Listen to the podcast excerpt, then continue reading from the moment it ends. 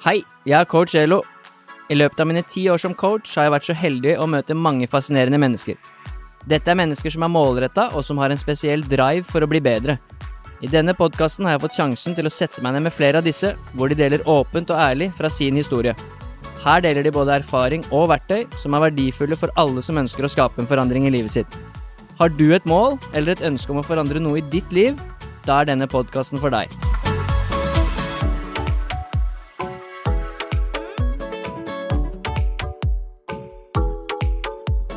Før vi hopper inn i dagens episode, så ønsker jeg å nevne en viktig samarbeidspartner av meg.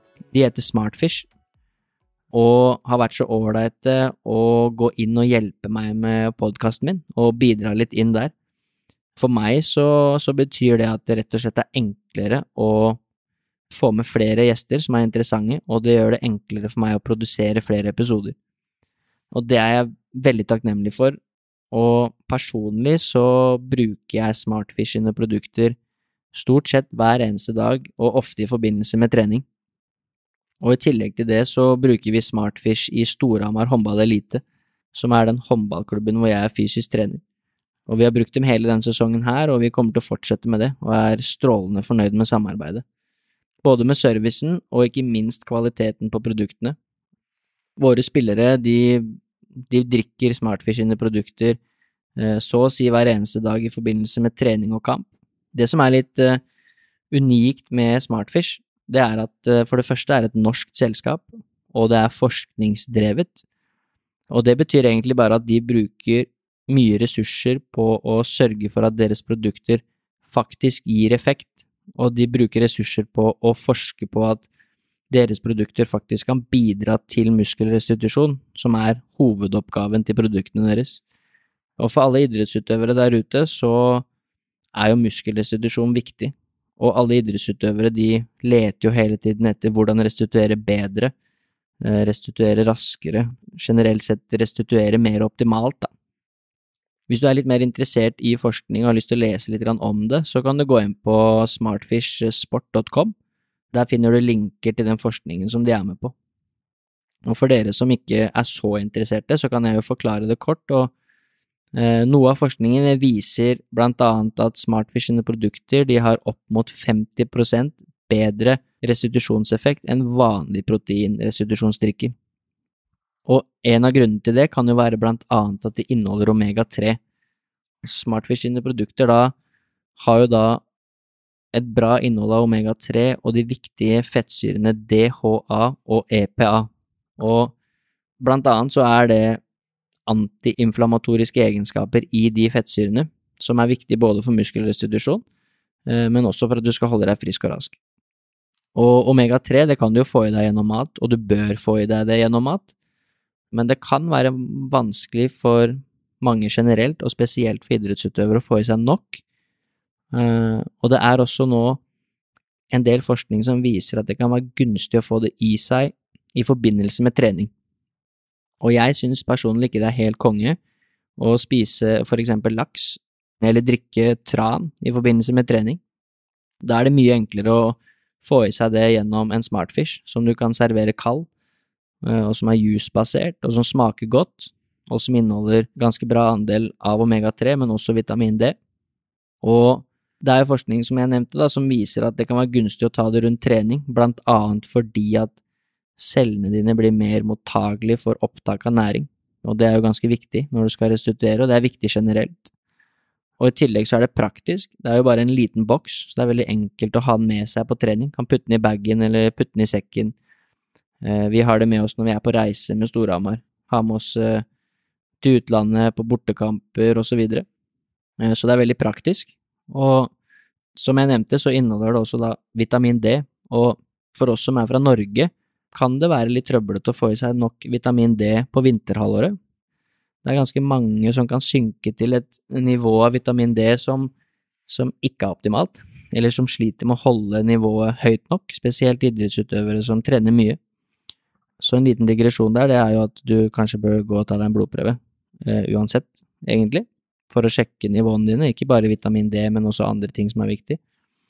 Men generelt sett så så er det viktig for oss å få oss litt ekstra vitamin D i vinterhalvåret, fordi den viktigste kilden til det er sola. Og i Norge så har vi ikke sterk nok sol på vinterhalvåret til å få i oss det vi trenger. Og da må man få det i seg gjennom kosten. Det er tre forskjellige Smartfish-produkter i utgangspunktet. Tre forskjellige restitusjonsdrikker, hvor alle inneholder omega-3 og vitamin D. Noen inneholder litt mer omega-3, andre litt mer vitamin D. Og så har du en som heter Recharge High Protein, som er den vi bruker i Storhamar, og som det er den jeg bruker personlig. Og det som gjør at den skiller seg litt ut fra de to andre, det er at den inneholder protein, eh, som du hører på navnet. Og den er også tilsatt lausin. Og lausin, det er jo en essensiell aminosyre, som blant annet har en hva skal du si, den er med på å stimulere proteinsyntesen din, som blant annet er viktig for muskelvekst. Og det er også ganske fint, synes jeg, at de har tilsatt det sammen med myseprotein. Disse tingene kan du selvfølgelig også få i deg gjennom kosten, men det som gjør Smartfish veldig unikt og veldig enkelt for deg som utøver, er at du kan få i deg alt dette bare i én liten shake, alt samtidig. Både omega-3, vitamin D, lausin, protein og raske karbohydrater og det smaker godt, og det er veldig enkelt å drikke det etter trening. Uansett det har vært en hard treningsøkt, lett treningsøkt, om du er på reise, om du er hjemme, uansett hvor du er, så er det veldig enkelt å få i seg en Smartfish.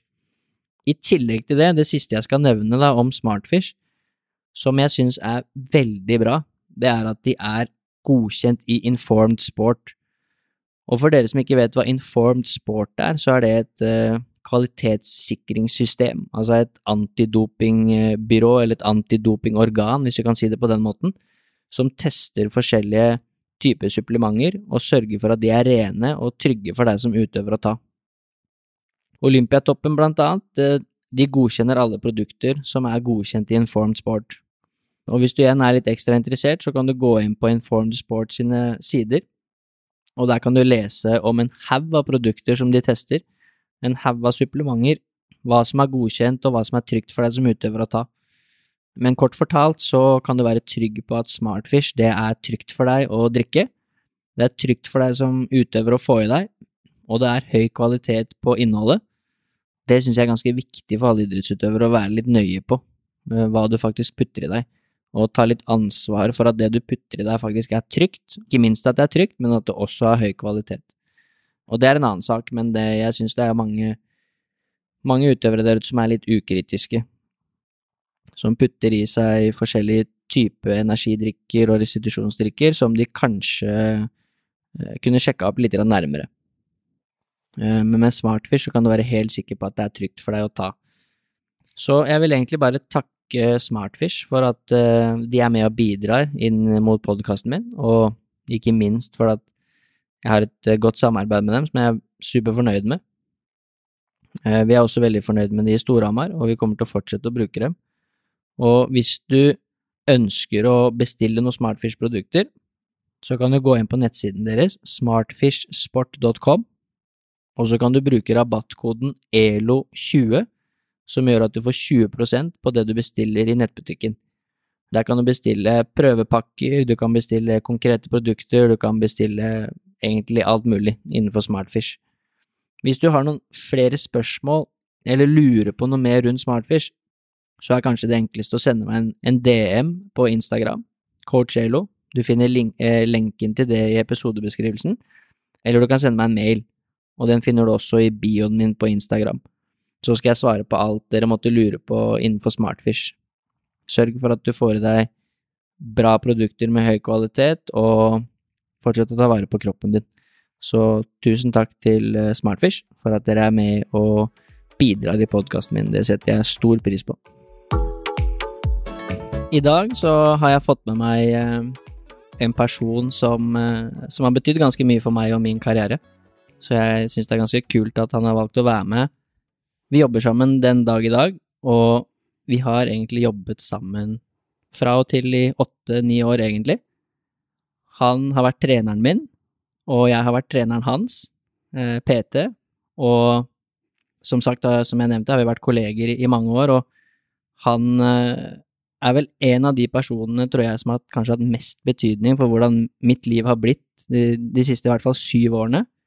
Eh, og det er litt fordi at han var den personen som ga meg sjansen som fystrener i 2014 i Glassverket. Eh, og han tok meg seinere med til, til, Vipers og til Kristiansand og, og, har vist meg tillit egentlig hele veien. Og, og nå er vi gjenforent enda en gang i Storhamar. Så for de som følger med på håndball, så skjønner de kanskje hvem jeg snakker om, og det er jo selvfølgelig da Kenneth Gabrielsen. Så velkommen til deg, Kenneth. Takk for det. Vi skal starte med fun fact med en gang, fordi nå sitter vi i huset ditt i Svelvik, og det er noe ordentlig møkk å kjøre ut hit. Hver gang jeg kjører ut hit, så glemmer jeg hvor langt det er. Men det er egentlig ganske fint der. Og det som er gøy, er at du har bygd det huset her sjøl. Ja, og det er ikke så langt eh, til Svelvik, det bare føles sånn. For du, du drømmer deg litt bort når du kjører utover her, for det er så flott. Det er faktisk ganske fint, egentlig. Ja, det er vanskelig å flytte herfra, for å si det sånn. Eh, nei, da vi sitter i huset som jeg bygde for eh, en del år siden, jeg var vel eh, 22 år gammel jeg begynte å bygge hus. Det er forholdsvis tidlig, i hvert fall for de som vokser opp nå, så er vel det veldig, veldig få mennesker som gjør det. Og ja, så det er jo litt det at du er jo egentlig håndverker i bunn. Det var litt det du begynte med først? Ja, det var vel det jeg begynte litt med også, men det var, jo ikke der jeg har eh, på en måte min yrkeskarriere. Jeg har jobba i samme bedrift i, i 16 år. Jeg jobba i låsbransjen. Jeg er nærmere 17 år jobba i låsbransjen. Og jeg blei vel ansatt i det selskapet som nummer fem, eh, og jeg begynte å jobbe på lageret. Eh, når jeg slutta, så hadde jeg driftsansvaret for 70 mennesker. Og jeg har bygd meg gradvis eh, oppover i det selskapet der over tid. Altså, jeg, der hadde driftsansvaret og hadde ansvar for 70 mennesker. Så det har vært en reise som har lært meg det meste her i livet. Ja, og eh, jeg får tilbake til det før vi blir ferdig, men det er et ganske fint hus. Det er imponerende at du har bygd det sjøl. Og du sitter i arbeidstøy nå. Det var derfor jeg egentlig skulle kødde litt med deg, fordi du holder på med dette huset her hele tida. Hver gang jeg er her, så er det noe nytt du driver med. Nei, dagen rundt er klar for vinteren. Ja, men jeg har ikke bygd huset helt uh, sjøl. Jeg har fått en del hjelp, og jeg har en svigerfar som har uh, mange, mange timer på huset her, og det hadde aldri vært noe hus uten svigerfar. Det kan jeg si med en gang.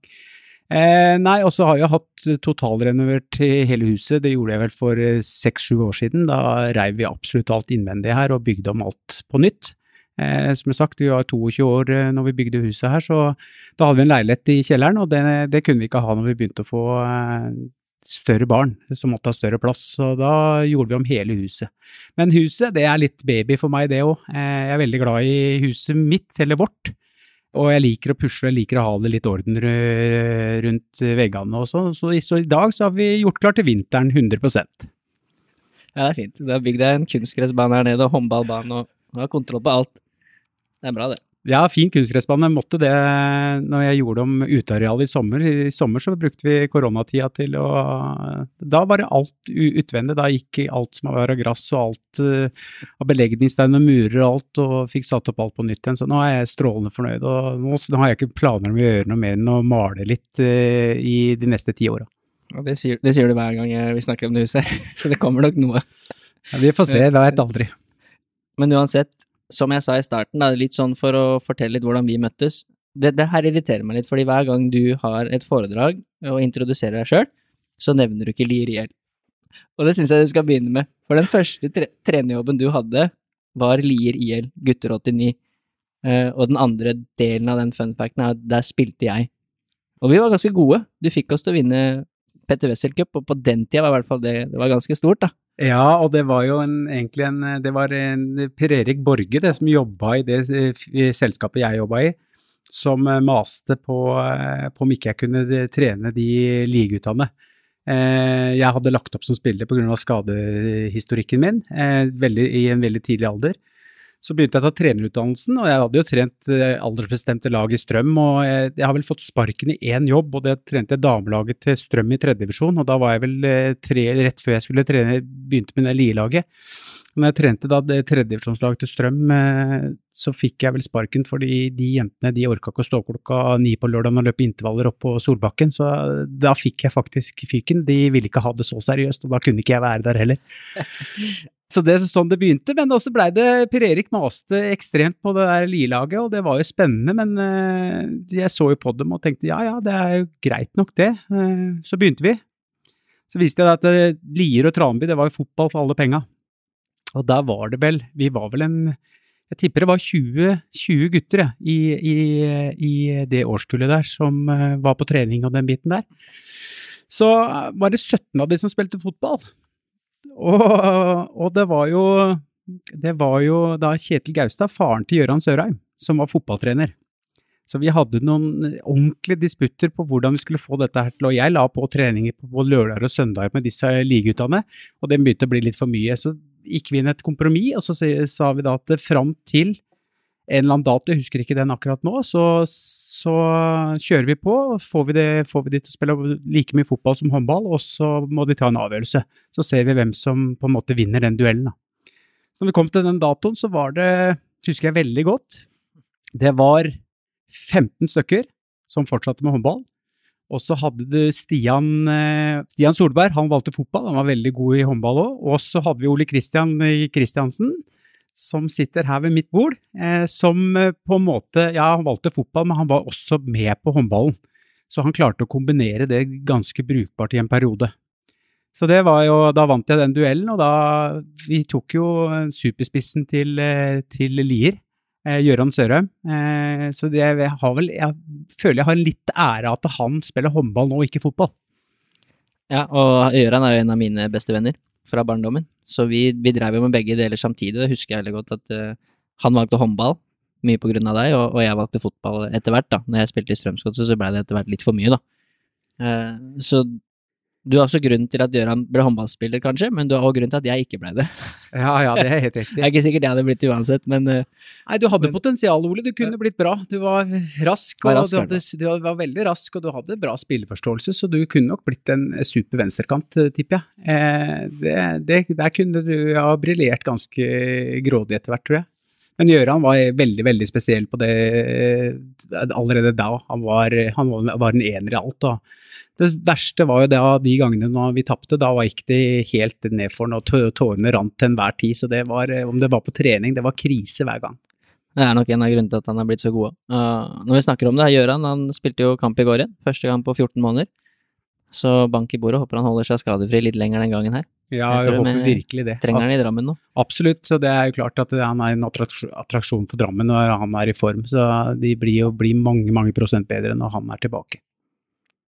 Men i hvert fall så, så det, kom det der å være trener i Lier. Eh, og det, det, var kult. Jeg syns det var kult, for både jeg og Gøran og de fleste syns jo det var gøy når det blei seriøst. Det var kanskje foreldre og sånn som reagerte litt på det, men det var, vi syntes det var veldig gøy. Så jeg har bare gode minner med at vi, vi løp intervaller og trente mye mer, og, og du la liksom Du gjorde hele klubben litt mer profesjonell, da. Og det var ganske mange flere der som ble eliteseriespillere, så det var ikke bare å gjøre. Nei, det blei flere ut av det, og det blei jo som sagt, vi hadde én målsetning. Det var jo å vinne det uoffisielle norgesmesterskap, som vi kalte det for den, tid, den tida der. Det var jo PV Cup. Og den vant vi. Jeg husker det godt finalen mot Ski, som vi hadde tatt mot flere ganger. og vant vi finalen med åtte mål. Eh, og det var, det var, stort. Da klarte vi en, en tøff målsetning. og det var jo det. Det var jo Lier som var på en måte døråpneren min for, for å bli håndballtrener. Eh, for plutselig fikk jeg en telefon fra Stabæk damer elite. Og jeg hadde jo ikke noen planer om å trene, trene noe damelag. Jeg hadde fått et, en forespørsel om å trene Kjelsås i førstedivisjon på herrer. Jeg holdt på med topptrenerutdannelsen den gangen da, eh, i tidlig alder. Så men det blei Stabæk, eh, og det, det, var jo på en måte det starten på, på trenerkarrieren min, var jo Lier. Og så gikk det da ved et byks fra aldersbestemt og rett inn i eliten, så det var jo en tøff overgang. Og jeg var ikke passert 30 år engang.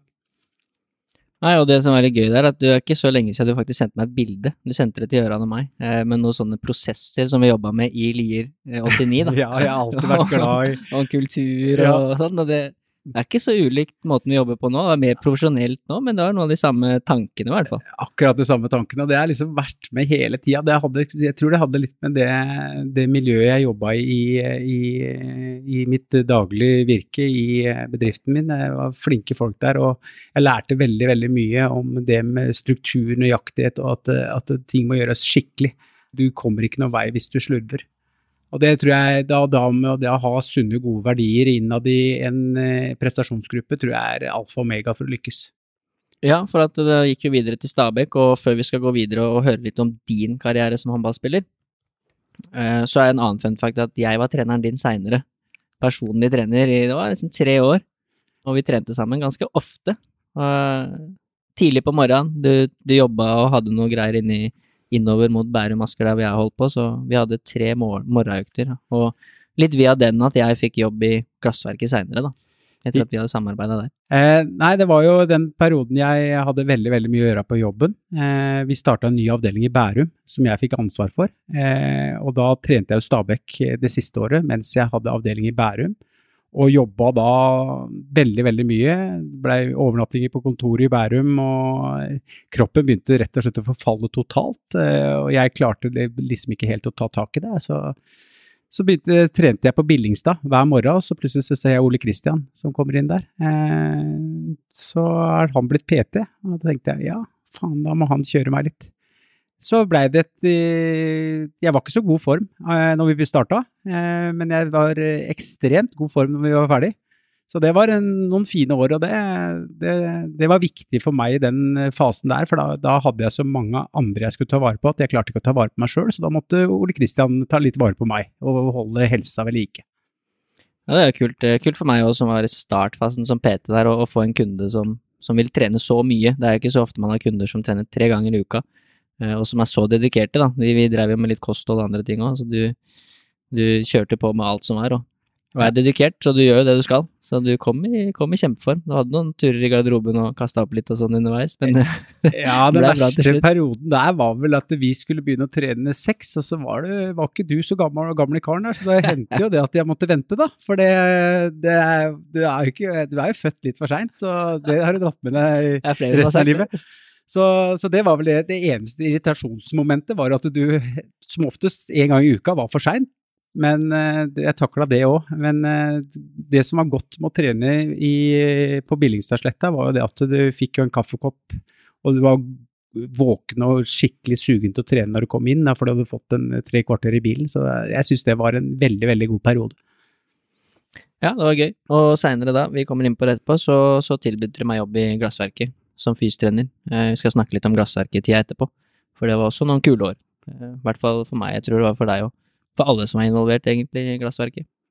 Men før det så driver jo du og sier at du har spilt håndball sjøl. Det er ingen av oss som har sett deg spille håndball, og ingen som veit noe om det her, men du påstår at du har spilt, og vært ganske god. Ja, jeg ga deg tidlig. God og god, jeg var jo brukbar, da. Eh, hva skal jeg si, altså Du, du har sett meg spille håndball, jeg eh, Ja, du har sett deg skyte i tverra og disse trik trikkskudda dine og sånn, men jeg har ikke sett deg spille. Nei da, jeg hadde Jeg fikk min eh, eliteseriedebut i Bodø håndballklubb.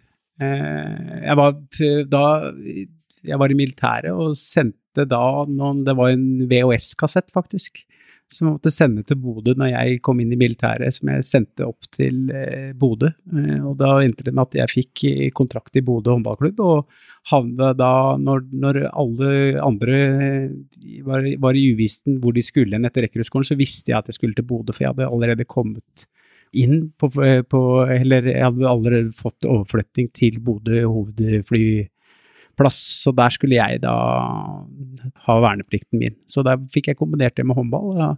Det året blei jo ganske tøft. Jeg begynte å trene mye mer enn det jeg gjorde tidligere, og, og jeg fikk jo to kneoperasjoner allerede det året der. Menisken eh, tok jeg, og så hadde jeg én operasjon, og så startet jeg for tidlig, og så fikk jeg én operasjon til. Så da gikk det året. Så da jeg kom tilbake da, så hadde jeg da eh, Var jeg i Fallkorten, førstedivisjon. Jeg husker jeg hadde Jon Petter Sando som trener, og vi hadde et lag som eh, var ganske spennende gjorde det ganske bra. Jeg syns jeg var ganske flink eh, det året der, og skårte masse, masse mål. Året etter så fikk jeg kontrakt i Sandefjord, Stiff håndball. Det var jo et uh, veldig, veldig godt håndballag. Der fikk jeg da begynte jeg da med én strekkskade ganske tidlig i hamstringen, og så fikk jeg en strekkskade til, og så gjorde jeg det fatale at jeg eh, mista førerkortet på vei hjem fra trening i en fotoboks på Nykirke. Nykirke, altså det var gamleveien, det er mange år siden dette, jeg var ikke mer enn 22 år. Så mista jeg da førerkortet midt i sesongen, og da måtte bryte kontrakten. Det var vanskelig å kunne klare å kombinere det. Jeg jobba jo eh, ikke fullt, men jeg hadde vel en 70 eh, stilling. Eh, jeg var umulig å kombinere det, og det var ikke aktuelt å flytte ned til Sandefjord pga. jobbsituasjonen. Jeg ville ha, bevare jobben min. Og da brøt vi kontrakta, og da gikk jeg tilbake til Strøm, den lokale klubben min i Svelvik her, som da lå i vannskorpa til å rykke opp i førstedivisjon og hadde et veldig, veldig godt lag. Og jeg begynte også det året der, da, ja, da får vi finne på noe annet. Så da begynte vi faktisk å bygge hus. Da kjøpte vi tomt, og så begynte jeg å bygge hus. Jeg husker eh, påsken det året der, så, så skar vi ned alt. Da hadde vi kjøpt tomta, så da rydda vi hele tomta i påsken. Og i mai måned så var vi faktisk i gang med grunnarbeidet. Så det var uh, fort, og eh, etter det så var jeg i Strøm. Uh, vi klarte ikke opprykk til første divisjon, vi røyk i kvaliken. Da var jo jeg Så hadde jeg egentlig tenkt å prøve å komme meg tilbake til topphåndball igjen, og jeg fikk jo da en hamstringstrekk på den sommeren der som var ordentlig alvorlig. Eh, den var virkelig kraftig. Så jeg holdt meg ute nesten et halvt år. Og så var jeg tilbake igjen og trente med Strøm, og vi hadde fortsatt et bra lag i Svelvik. Og så røyk hamstringscena. Og da husker jeg jeg fikk Det var én mann som kunne ta den operasjonen, og det var Frank Kaasa. Eh, ikke fra, nei, ikke en Kaasa som var landslagsleder på fotballandslaget som holdt i Moss. Han eh, tok seg av den operasjonen, og etter den operasjonen så har jeg aldri kommet tilbake på Kan jeg aldri trene som en toppidrettsutøver. Jeg har ikke kjangs til å drive med med altfor eksplosiv bevegelse, for da får jeg vondt, og da sitter jeg da meg Og jeg kjører meg halvannen liters flaske med sand eh, under låret når jeg kjører, kjører bil, så det, men det, det, har jeg kontroll på nå. Så min håndballkarriere blei ble kort, i hvert fall på et høyt nivå. Så spilte jeg noen år til i annendivisjon, var spillende trener i Strøm, og det gikk helt fint å trene tre håndballøkter i uka og spille kamp, men noe mer enn det var umulig. Så det er litt med min karriere, da. Altså, du var på de beste, var det bra? Ja, men, altså, det var Du var venstrehendt. Jeg var skeivhendt ved høyrekant. Jeg fikk jo, jeg fikk jo med meg to eller tre kamper i Champions League med, med Sandefjord, eh, og det var jo stort. Jeg hadde vel et eh, jo, vi møtte vel Real Sudidad, og da fikk jeg beskjed om å løpe en kantinngang og skulle sette sperre på Dinar, han som har trent det franske herrelandslaget. Og jeg løper inn og kliner til og setter ei sperre, han flytter ikke på seg, så bare tar han knyttneveren, og så slår han meg på skuldra, og jeg går rett i bakken. Så, han er så, ikke så liten, han? Nei, jeg var ikke noe smågutt, det der. Så der eh, Jeg var litt tøff i trynet, alltid vært det, så, men det ble, ble liten der. Så, så, det var jo liksom det høydepunktet å få lov til å være med på noen av de Champions League-kampene. Jeg vil ikke si at jeg prega noen av kampene på noen måte, det var en avlastning jeg kom inn på for Eivind Ellingsen, som var et veldig, veldig godt lag i, i Sandefjord. med med sjefen sjøl i mål, da, med Marinko som sto der og piska langpasninger. Men det, eh, det, var et lærerikt år, og det hadde Bård Tonning som trener. Og jeg, jeg var veldig, overraska over måten han leda spillere på, spesielt unge spillere. Så det var noen ting jeg tok med meg der som jeg, som jeg Han var en veldig dyktig trener, men det var noen, noen punkter der som jeg situasjoner der jeg tenkte sånn skal jeg aldri være hvis jeg blir trener. Så det var lærerikt, men han var for all del en veldig, veldig dyktig trener. Nei, det er, det er, ikke alle som har fått spille Champions League i håndball, så det er jo kult å, kult å ha det på CV-en, at du har gjort det. Absolutt, og det var jo, var jo venstrehendt, og det var en fordel ved å være det, vet du. Det er det alltid. Ja. Nei, men det, altså, du har spilt håndball i hvert fall på høyt nivå og når du har vært innom Champions League, så har du vært god. Uansett hvordan du blir å vende på det. Ja da, jeg, eh, var, jeg klarte å putte ned baller i mål, så jeg var forholdsvis brukbar. Men eh, det blei mye stopp. Var ikke Ole Gustav Jekstad-nivå? Nei, det var veldig langt unna Ole Gustav Jekstad-nivå. Veldig langt unna. Men det er også morsomt. Begge de trenerne jeg jobba med, er høyrekanter. Vært høyrekanter, da. Og spilt håndball.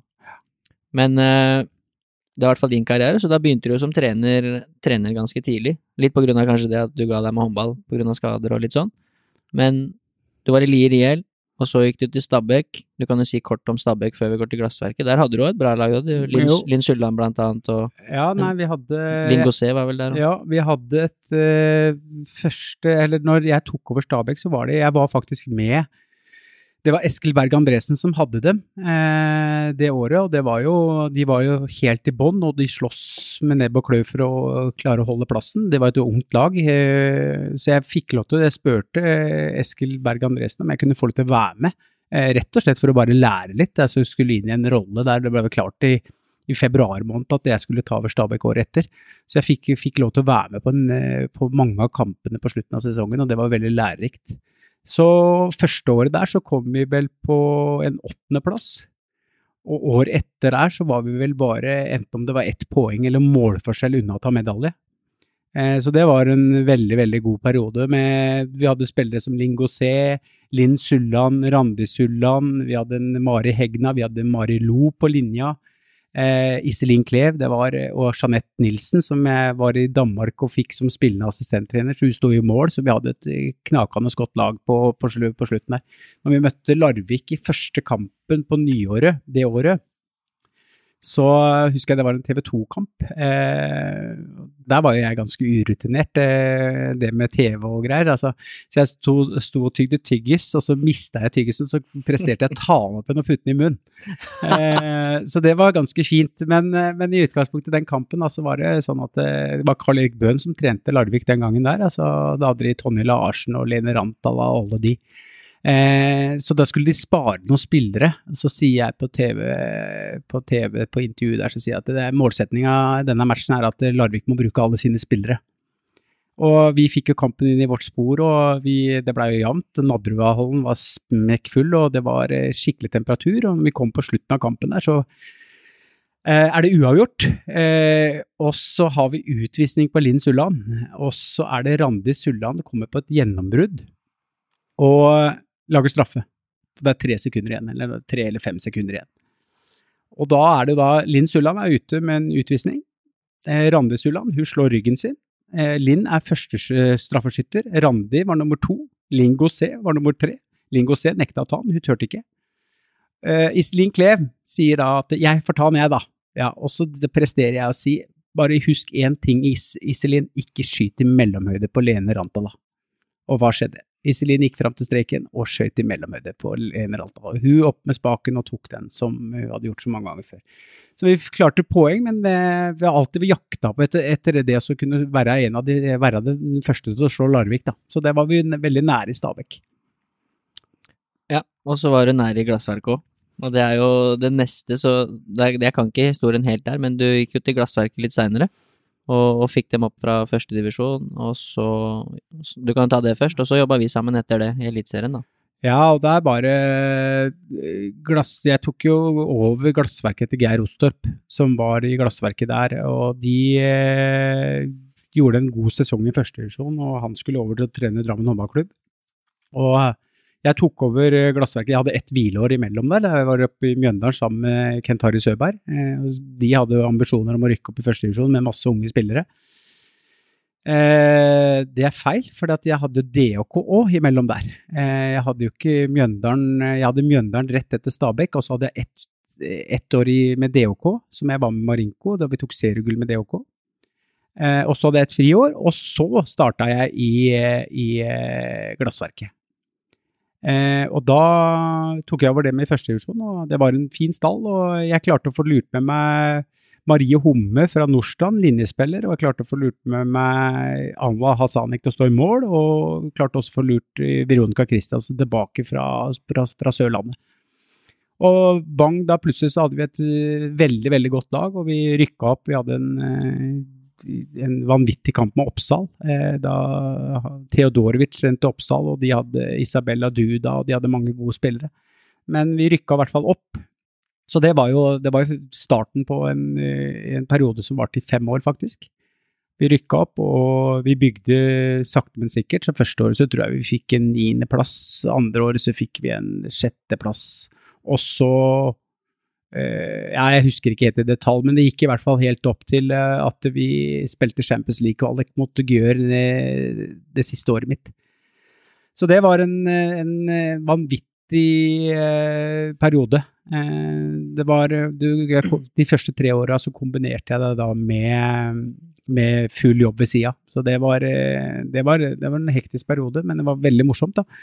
Men du hadde jo ikke Det eksisterte jo ikke noe fritid, du hadde en familie, men, men det var en periode der, der, jeg var en vanvittig egoist på alle mulige måter. Det var bare meg sjøl for å få gjort unna det jeg ville. Så det var tøft for de her hjemme, tror jeg. Ja, og så, Jeg vet ikke hvor jeg kommer inn i det bildet her, men jeg, jeg ble i hvert fall tilbudt jobb i glassverket av deg, og, og begynte juni 2014, husker jeg. Husker ja. jeg var på møte på, på det Tollboden hotell i Drammen der i mai 2014. Mm. Eh, og da Jeg var jo heldig som fikk muligheten, men òg at det var en ekstremt bra spillergruppe, da. Og en bra gjeng. Så jeg har masse gode minner med, med glassverket, og jeg tror alle som er involvert i glassverket, syns at den tida var bra, og ser tilbake på det med med morsomme år, men der hadde vi jo spillere som både Veronica og Jeanette Christiansen. Jeg var vel Charlotte, Charlotte Christiansen òg. Du hadde eh, Kari Bratseth, husker ja, jeg du henta? Ja, fikk, fikk jo Kristin Nørstebø først, uh, som var jo ekstremt viktig i, uh, i vi, vi, var veldig flinke på å signere spillere. vi hadde ikke mye penger, men vi klarte på en måte å overtale de spillerne til å komme til oss, og vi jeg følte at jeg var en brukbar selger, jeg håper det jeg fortsatt er det, sånn sett. Eh, så der, vi var eh, heldige, og jeg var, husker jeg var, eh, så på Kari Bratseth når hun spilte for Fredrikstad. Vi så i, i Skjærgårdslekene. Så tenkte jeg at hun skal spille for oss, så jeg begynte dialogen tidlig. Også i oktober tror jeg at vi klarte å få signere, signert Kari Bratseth for neste sesong der igjen så tror jeg det var i februar vel at Larvik henvendte seg til Kari, så da var vi tidlig ute på det. Så da, det var jo en kjempesignering eh, å få Kari til, eh, til Glassverket, og hun tok jo noen vanvittige steg. Jeg husker vi snakka om hvor mye hun økte trenings... Eh, hvor mange mer, mange mer eller treningsmengdene ble økt med mange, mange prosent. Så, så det, det, var jo Men vi traff ekstremt på de spillerne vi henta, og det, ble jo en, det var en kultur i det laget som var helt sjuk. Eh, og det, det, det, var ganske unikt, hele greiene der. Ja, det var det som var moro, det, det var mange andre gode spillere der òg, som du ikke nevner nå. Du ja. hadde jo Emilie Christensen henta du, var ung og, og lovende, og Hege Bakken Valkvist var Absolutt. helt rå et år der. Vi henta jo Hege Bakken Valkvist når vi spilte Sola, hun hadde hatt en forferdelig, en veldig stygg skade, kneskade, korsbånd og uh, en del mer der med menisk og noe leddbånd, og det var Så vi henta jo hun eh, på en måte helt uten av det blå. Eh, altså Vi visste at hun hadde, var, hadde en ekstrem fart, hun var veldig opptatt av kanter med fart eller smartness. Så vi henta jo Hege. Hun kom jo altså Vi hadde så mange. Vi hadde Renate Såstad Sømme som kom inn. Vi hadde jo eh, Pia Narvesen som bidro mye der. Monica Iversen på linja der. Det, altså vi hadde, og ikke minst altså Mina Gustavsen, eh, de der klubbspillerne som da var der i, og holdt et brukbart førstedivisjonsnivå. Første de tok steg på steg for hver eneste uke. Treningsmoralen var helt rå, og alle ville det samme. Så altså, det var ganske morsomt. Ja, det er gøy å se hvor langt mange av disse spillerne har kommet nå. Og ja, flere av dem er jo fortsatt, uh, fortsatt uh, dominerende både landslag og i, i, de største klubbene i Norge.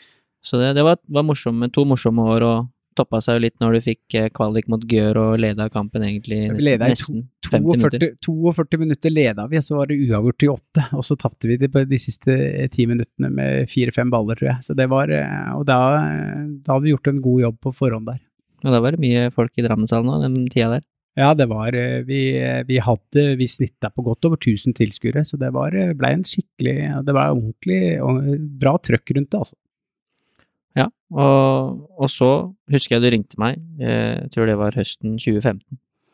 Ja. Det husker jeg kjempegodt, og da husker jeg du sa til meg at jeg skal ta over Norges beste lag, og du må være med meg, da må du flytte.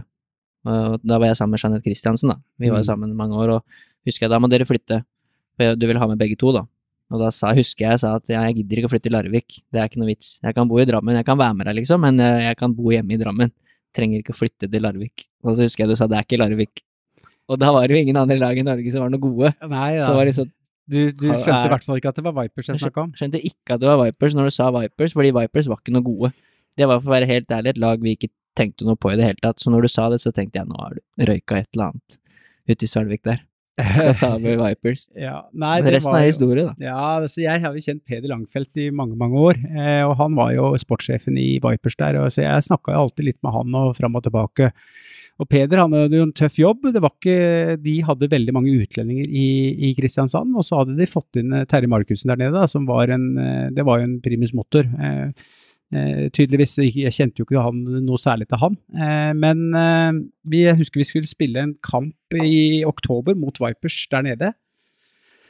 Eh, da hadde jeg sagt fra i august det, til eh, ledelsen i Glassverket at dette er siste året mitt. Jeg kommer ikke til å forlenge, eh, for nå har jeg vært her fem år og fram og tilbake. og Det blei greit at vi blei så gode, så blei det en del styr rundt forskjellige ting. Og jeg var jo ikke bare trener, jeg var jo en periode da også markedssjef, i, markedsansvarlig, i to år der.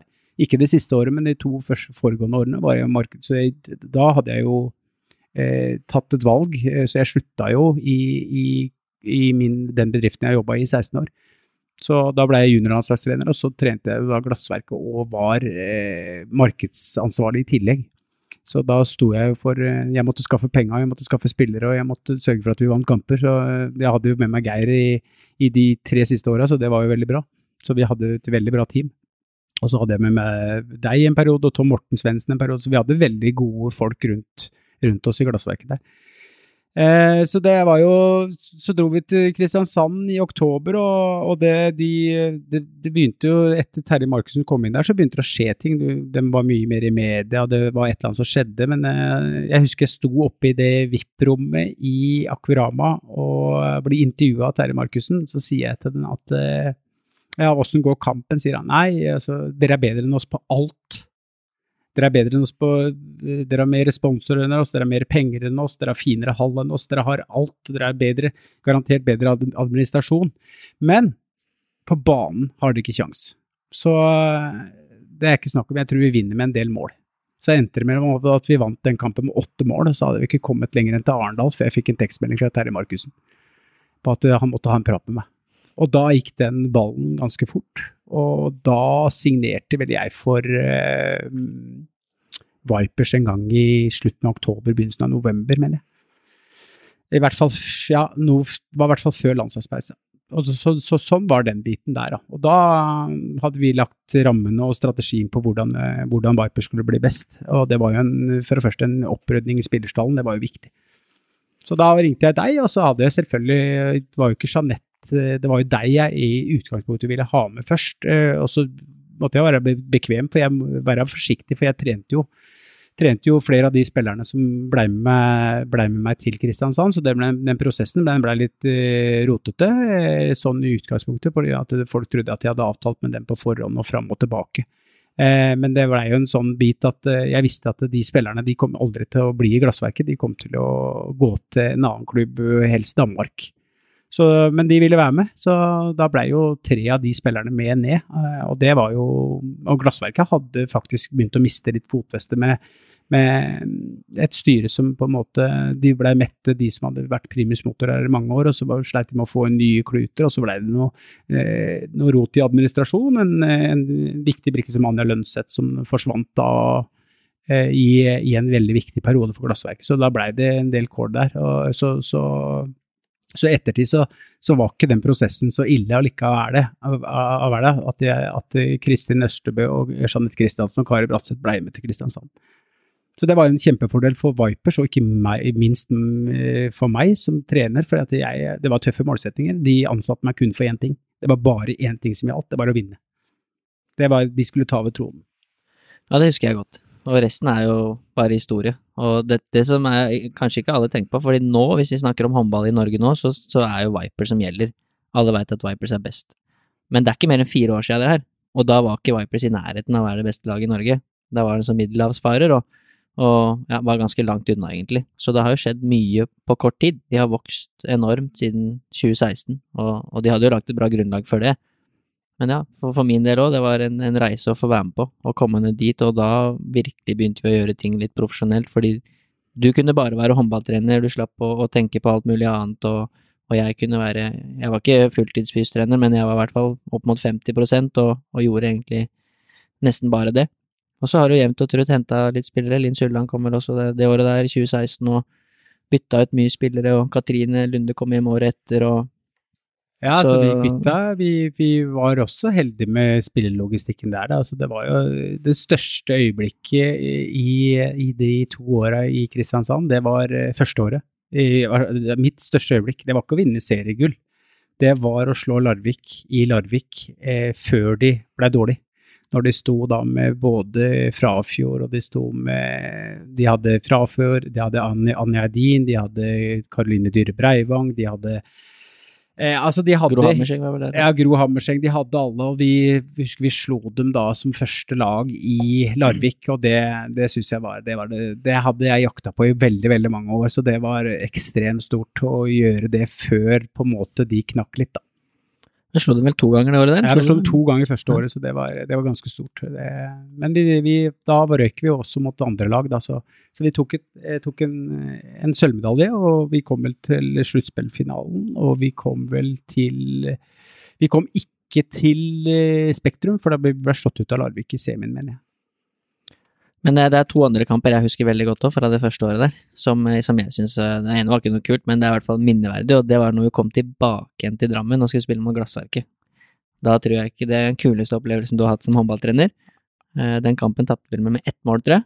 Ja, vi tapte kampen i hvert fall, og det var Det var, det var, det, det var helt Hva skal jeg si det, var, det, er vanskelig å beskrive, egentlig, for du har vært i den bobla. Du har vært med og bygd opp den klubben. Og, og de glassverket, etter jeg dro, så var jo Geir som tok over. Eh, og de kjørte på, og de henta jo noen flinke spillere, og de hadde et helt eh, greit lag. Eh, det var ekstreme utfordringer med økonomi. Eh, Eh, men de henta i hvert fall en del eh, nye spillere, eh, kostbare spillere, så det, de hadde jo de, de, hadde et greit lag. Men, men, i utgangspunktet så drar vi til Drammenshallen, og det var jo i januar det òg. Tidlig i januar. Og vi ryker og taper, og det er jo Jeg husker jeg ble intervjua av Fedrelandsvennen rett etter kampen så spør de ja, Gabrielsen, må du gjøre noe med spillestallen? Og da var det like før det rant over for meg. Eh, for det hadde ikke noe med spillestallen å gjøre. Altså, vi tapte en håndballkamp, liksom, eh, men det var den verste håndballkampen du kunne tape for, i hvert fall for oss, i hvert fall for meg eh, som personlig, for som har vært der, som på en måte kom, eh, kom tilbake til Drammenshallen og, og, hadde liksom Ja, jeg har her kommer jeg med mitt nye lag, og så blei vi satt skikkelig på plass. Så det var en, det var en, det var en veldig tøff eh, Ikke bare natt og dag deretter, det var en tøff, helt tøff uke, tror jeg. Ja, så det ligger i historien at vi slo dem med 20 mål på hjemmebane i, i, neste kamp, da. Ja. 40-20, eh, så da, da sikra vi sølvmedaljen i Akvarama. Så da fikk du revansj sjøl på. Ja, så det var en, det var en kjempematch av oss. Altså, den forberedte vi oss ganske godt på. Vi forberedte oss godt i alle kamper, men det ble litt spesielt da, da vi skulle liksom det var ikke noe det var ikke noe som var eh, lagt til tilfeldighetene der. Så, altså det var, men vi traff jo på det meste, og da var jo det, hører jo med til historien det at da hadde jo Glassverket mer eller mindre De hadde de samme spillerne, men det, men eh, det var mye uro i klubben der, og de hadde vel eh, knapt fokus på å spille kamp eh, akkurat i det momentet der, for å, for å på en måte det, det, Jeg syns ordentlig synd på dem akkurat den perioden der. Men det var ikke den kampen jeg tenkte på som var den andre kampen som jeg husker veldig godt, da. Det er jo finalen i EHF-cupen. Uh, som i hvert fall jeg syns er litt kjedelig at man ikke har den gullmedaljen fra den turneringa der, men da spilte vi finale nede i Romania mot, uh, mot Krajova, og det var ganske Det var syk opplevelse. Ja, det var Både, siste året. Eh, det var siste året, kanskje? ja. ja, ja, var siste. det var siste året. For det, vi, vi, vi, får spille Vi får lov til å spille Champions League og, den biten der året etter. Eh, og det var jo Nei, var, det var første året, 2017. Første fordi... året så ble vi slått ut av Lada i EHF-cupen. Året etter så spiller vi Champions League før jul. Ja, ja sånn var det. Spiller, ja, og vi spiller mot Budoknos borte, og vi leder med sju mål eh, en periode der. Og, men vi taper, da, så da klarer vi Vi, vi roter oss bort mot beatinga hjemme og den biten der, husker jeg. Så vi går ikke videre, men vi går inn i EOF-cupen, og da får vi en pulje som er ganske tøff, med København, vi får eh, skal vi se, København, Paris og siste laget husker jeg vel ikke helt, eh, men i hvert fall så går vi videre på målforskjell inn i sluttspillet der. Da møter vi Wiborg i kvarten, og så møter vi Brest i semien, også, eller om det var motsatt, og så får vi finalen mot Krajova. Eh, og det var på en måte det minst, eller et veldig ukjent lag i forhold til de andre lagene vi har møtt, da, med mange profilerte spillere eh, på de andre laga. Så, så, det var jo Det var jo en eh, hjemmekamp som eh, egentlig alt gikk litt imot oss. Eh, jeg tror vi vinner med fire mål. Eh, Skårer får ikke noe kontra. Altså vi fikk ikke fram styrkene våre. Så de hadde forberedt seg godt, men samtidig så, så slurva vi en del. Så drar vi til Romania der, det er mye ståhei. Vi har fire mål å gå på. Vi kommer til noe som Det var Altså, det er sikkert andre håndballarenaer som, som, det er mer trøkk i, men, men, de skal jobbe hardt, altså, for det, det trøkket som var der den dagen der, det var, det var helt sykt. Det gikk ikke an å gi en beskjed. og det, det var, og den, det tapet eh, De ble dømt bort, det er lov å si i en podkast, det er vel lov å si? Det er vel lov, jeg tror ikke noen av de fra Kraja vil høre på den. Nei, eh, så vi blei dømt nedenom og hjem, egentlig. Vi hadde, ikke, vi hadde aldri hatt sjanse til å vinne den eh, tittelen. Eh, vi har situasjoner på slutten der som er hårreisende. Jeg husker Malin Aune hopper inn og blir dømt eh, skritt eller tramp, og så har vi andre situasjoner. Kari Bratseth får så julingen på linja der at det er jo Det hadde jo vært eh, Altså, det hadde jo vært eh, jeg, jo, jeg skrev jo statistikk på den tida, jeg husker ikke hodet, men uh, de hadde tosifra antall straffer, Krajova, og jeg tror vi hadde én. Ja. Uh, så det var ganske noe Det var vill statistikk i den matchen der, husker jeg. Ja, så det var, eh, det var en ordentlig nedtur. Da kunne vi faktisk vinne fire titler det året, men det ble tre titler og en sølvmedalje, da, så, det, så sesongen i og for seg ble bra. Men kul, kul opplevelse da, med, med 5000 på kamp der, og politieskorte til, til, match, og det var litt større enn det vi var vant til. Ja, 5000 i en bitte liten hall, og så røyker de, og så er det dårlig luft, og det er eh, klamt, og det er, eh, det er jo skikkelig Altså, det er, eh, det er, rammer som ikke vi er vant til, da. Nei, så det Og så året etter, da, siste året ditt i, i Vipers, så, så vinner du alt, egentlig. Ja, det er utenom den Kraiva, utenom ja. den Kraiva det, det, ble sølv der, et sølv der, og så vant vi både serie NM og, og sluttspill. Og så er det da neste Vi kunne snakka mye om Vipers, for vi har mange historier derfra. Ja. Men eh, blant annet når vi spilte mot Wiborg i kvarten der, så hadde vi vel med oss 600-700 supportere ja, til Danmark, var, som, som, var ganske spesielt. I håndball er det mye, da. Absolutt. Eh, men eh, da hadde du egentlig et år igjen av kontrakta di, og det er det vi skal prate litt om nå. du valgte å gi deg Vipers ett år før du egentlig skulle. Og den prosessen husker jeg godt. Det var Vi prata jo mye sammen, vi er jo gode kompiser utenfor òg. Du, du, du, hadde ikke kjempebra i Vipers, da, selv om ting gikk bra på papiret. Du vant gullmedaljer og, og fikk det sportslige resultatet, men på personlig grunnlag så var kanskje ikke alt like bra. Nei, det var, det var en Hva skal jeg si, altså det var Jeg husker når vi dro til eh, jeg husker at vi, Terje og de var jo veldig på det at vi skulle eh, forlenge avtalen, og vi snakka litt om det. Forlenge, altså at vi skulle fornye avtalen over flere år. Det var jo veldig positivt på sånn sett, altså, men jeg husker at vi, vi skulle møte København borte i EHF-cupen. Eh, og jeg må bare reise hjem etter kampen. Eh, jeg bestemmer meg på fredag at jeg må hjem.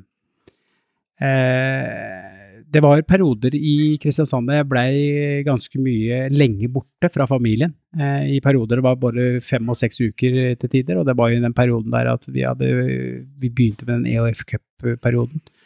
Både Andrea og Frida de var jo ikke så gamle, så eh, Andrea var 15 og, og Frida var 12. Og, eh, så det var en da begynte det på en måte i januar der, eh, sånn skikkelig, for at det, vi hadde en datter her hjemme som var eh, kjempesjuk, som på en måte ikke jeg forsto egentlig hva innebar, hvor sjuk hun var. Eh, og det var eh, Hun hadde en sterk OCD, eh, som da gikk på eh, at hun måtte gjøre noen ritualer før hun la seg hver eneste kveld, fordi hun var redd at jeg skulle dø når jeg var borte.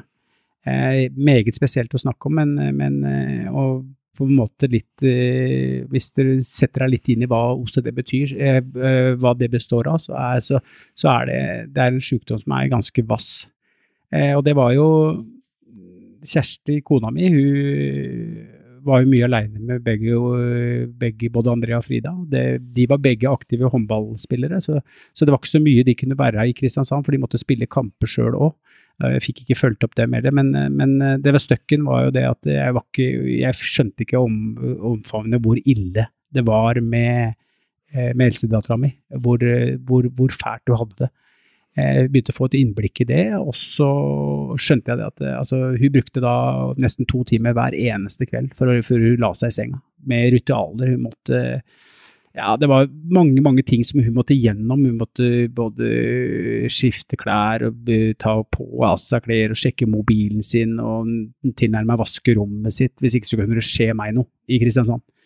Og, og, det er greit å si at det kan du bare slutte med, men, men det er ikke sånn det fungerer. For når du har de tvangstankene der, du hadde ikke noe tvangstanker sånn selvskading og den biten der, det var tvangstanker rundt hva som kunne skje med med spesielt meg der nede, da, at hun hadde ikke kontroll på meg. Og det begynte jo eh, når jeg dro til Kristiansand. Eh, så det var liksom sånn eh, Når jeg fikk et innblikk i dette her, så, så blei det, det ble jo en vesentlig ting av det. Eh, at det, det, jeg kan faktisk ikke fortsette med det her. Og, så dette blei brått bestemt. at når jeg fikk en klar når jeg fikk en oppfattelse på hva dette var for noe, så tenkte jeg at altså, hva er det jeg driver med, jeg kan ikke være her nede, jeg må være hjemme.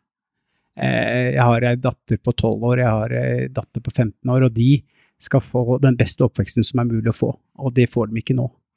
Eh, så da blei det Jeg brukte ikke så lang tid på å bestemme meg, egentlig. Jeg tror jeg var 14 dager, så jeg tenkte at det, her går ikke lenger. Kenneth, du må hjem.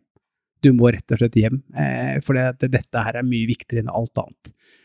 Så det var jo egentlig Det var ikke vanskelig når jeg først hadde tatt avgjørelsen, for jeg ble veldig letta når jeg gjorde det. For jeg, i ettertid, som jeg har vært med da på BUP eh, og vært med til psykolog sammen med Andrea og den biten der, og fått et innblikk i hva dette er for noe, så er jeg sjeleglad for at jeg dro hjem. Eh, fordi at det, det, sånn som resultatet er blitt, det er jo det at hun er jo blitt eh, tilnærmet frisk, eh, men eh, det kunne utvikla seg til det, til det, mye verre. Og eh, jeg er veldig glad for de de, de åra jeg har vært hjemme nå som jeg har fått lov til å følge opp begge to 100% og fått et tilnærmet normalt liv eh, med, med, Kjersti, kona mi, og vi har på en måte eh, normalt og normalt. Jeg har jo jobba forholdsvis mye i, i, den perioden, men, men, eh, men, vi har hatt et normalt liv, og, og jeg tror nok det at eh, de trengte meg mye mer enn det Vipers gjorde, for å si det sånn. Og jeg tok et ekstremt viktig valg der som jeg ikke angrer på i det hele tatt i dag. Nei, det, det står jo stor respekt av at du, at du gjorde det. Eller at du prioriterte familien. Det, ja, så det var jo Folk kunne jo ikke forstå altså De tenkte jo at her, her må det være noe gærent. Han må jo ha krangla med noen eller et eller annet, eller mistillit eller et eller annet sånt. Men det var ingenting. altså Vi har ingenting å utsette på Vipers Kristiansand. Fantastisk klubb, fantastisk spillergruppe. Eh, det var en, altså, jeg hadde en Endre Fintan som var med i trenerteamet sammen med deg, og vi hadde Terje Markussen og styret i Vipers var helt enestående. Så den klubben var rett og slett fantastisk, men jeg hadde bare én ting, og det var det, det viktigste av alt, er faktisk eh, familien. Den må fungere. Og, eh, så, så det, den dag i dag, så altså selv om jeg kan tenke at jeg kunne sitte i roret der og vært eh, vært fortsatt Vipers-trener, så det, det, er liksom ikke noe tema, for jeg gjorde, tok det rette valget. Eh, og det, var, det er familien som altså, eh, For å være helt ærlig så har ikke jeg hatt den beste oppveksten, men eh, jeg, i hvert fall sånn at mine barn skal prøve å få den beste oppveksten som er mulig å få, og det føler jeg at jeg har vært med å bidra til nå. Ja, og det står respekt av, og jeg er glad for at du valgte eh, å reise hjem der. Og det er sånn, sånn game er, og da åpner seg opp andre dører for andre. Da kommer jo Ole Gustav inn der, og som du sa, Vipers klarte seg jo ja. videre, liksom, så det, det, viktigste var at du tok et valg som var riktig for deg. Og, og det var jeg ikke bekymra for, men det eneste, litt, det eneste, som var vondt med det, er jo det at jeg husker jeg satt hjemme på kjøkkenbordet til Henny Reistad og snakka med mora og faren og overtalte hun til å komme til, til Vipers, og det samme med Josefine Intlus, som jeg hadde hatt på juniorlandslaget. Eh, og det var jo det, flere av de spillerne som hadde signert nye kontrakter og alt den biten, og jo, jeg, var jo veldig, jeg var jo veldig delaktig i den prosessen der med hvordan vi skulle se ut i framtida og den biten der, så, så det, det, var vanskelig. Men altså, jeg, jeg, ikke, jeg, tok en telefon til Ole Gustav, jeg visste at han skulle tilbake, så spurte jeg om jeg kunne spille inn navnet hans for Vipers eh, når jeg sa fra. Så når jeg da hadde et møte med styret i styret Terje og Peder og Emil eh, og Morten, vi satt på, på Scandic, og eh, jeg la fram dette her, eh, så sa jeg at jeg ringte Ole Gustav, og så ga jeg en gul lapp med telefonnummeret, så sier jeg at bare ring han. Eh, så tror jeg ikke det tok så lang tid før, før det var i boks. Og da, da, var jeg veldig fornøyd, for da visste jeg at de fikk, fikk noe som var eh, garantert eh, bra nok, og litt bedre enn det òg. Eh, så, så, var da, når det gikk i boks, så blei jeg ganske letta, så da hadde vi egentlig en, en slutt på sesongen som var ekstremt god. Eh, så det, det, var egentlig bare to fantastisk flotte år i Kristiansand. Så jeg har ingenting å utsette på noe som helst. Og det var eh, lærerikt, og det var eh, krevende. Det var krevende å være mm, seks uker borte i slengen fra barna dine og kona di. Og sånn i ettertid så, så tenker jeg vel at jeg gjorde det litt for tidlig. Jeg, det var for tidlig på en måte å starte et sånt løp eh, over 25 mil unna hjemmet. Eh, utenom å få med familien. Altså, vi er så tilknyttet Svalvik, så det er nesten umulig å få de eh, til å være med. Eh, og rive opp da miljøer de er i og alt det der. Det er, det er ikke verdt en jobb, liksom. Så det, det, var det, det steget jeg tok ut der, det var kanskje et par-tre år for tidlig. Hadde det vært nå, så hadde det vært helt annerledes. Men det er, jo, det er jo, litt sånne ting man lærer av å velge å gjøre sånn, og så får man litt erfaring, og, og, og nå så, så, stiller du litt sterkere, da. Situasjonen kanskje annerledes òg, men nå, nå, har du lært av det i Kristiansand, og når du går inn i ny jobb nå, så vet du litt mer hva du trenger å bruke energi på, hva du ikke trenger å bruke energi på. Men uh, uansett så er du den første treneren som tok gull med Viper, så det er ikke bare bare å ta med seg det. Nei, det. så det, det, var jo vi skulle ned og vinne. Eh, og Det var det eneste som gjaldt. Vi skulle vinne, og det, det er bare sånn det var. og Det, det, var, det trigga noe ekstremt. da, og, og, her fikk du liksom litt, eh, her fikk du rammer som på en måte Du behøvde ikke å snu hver eneste stein for å kunne få til noe. Det var egentlig bare å, å komme med et budskap og, på, og komme med en god forklaring og en god begrunnelse hvorfor vi må ha den og den spilleren. For, eh, så, så gikk det som regel i boks. altså Det var, det var veldig, veldig flinke mennesker som jobba i Viper Clippers, og det er det den dag i dag. Og, og eh, så det, det er sånn, sånn, sett så er det ikke noe Det var bare Det var, det var helt supert. Så, så det er Det var to gode år. Ja, det er jeg enig. Det var mye morsomt der. Men uh, i hvert fall du gir deg et år da, før, uh, før, kontrakten går ut. Du forklarte jo nå hvorfor. Og da hadde du to år uh, hvor du ikke Eller du, du, var jo fortsatt håndballtrener for døtrene dine, og du drev med håndball, men da ga du deg som topptrener og begynte en jobb i, i Titansport og, og, hva heter det, Kjellingmo Jeg begynte i Titansport, som driver med alt av idrettsutstyr. Og så kjøpte vi opp Killingmo Tønsberg, som driver også med det samme, men det, de, jo, de, hadde en egen fabrikk på Aurskog. Eh, og der eh, had, kom jeg på eiersida, så jeg hadde 20 eide 20 av, av den eh, bedriften. Eh, så var jeg dagleder. Eh, vi, eh, så de to åra der, det gikk så fort. Eh, og det var liksom sånn Hva skal jeg si? jo, det var gøy, men det trigga vi gjorde det bra og alt det der, og, men det, på en måte så var det liksom sånn Den lysta til Så jeg var jo, jeg var jo ekspertkommentator for NRK, så jeg fikk jo med meg noe mesterskap på damesida i, i, de to åra.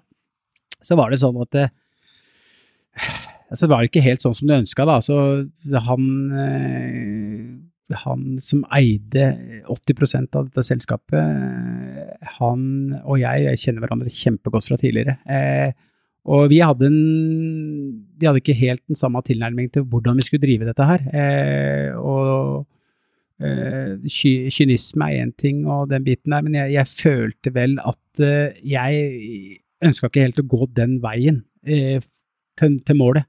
Eh, ikke dermed sagt at den veien jeg ville gå, hadde vært den rette. Eh, men, eh, men jeg, jeg, følte at, eh, at det ble ikke helt riktig for meg. Og så kjente jeg det at faen, jeg savner denne håndballen. Jeg hadde det fint. Jeg hadde det så jækla fint.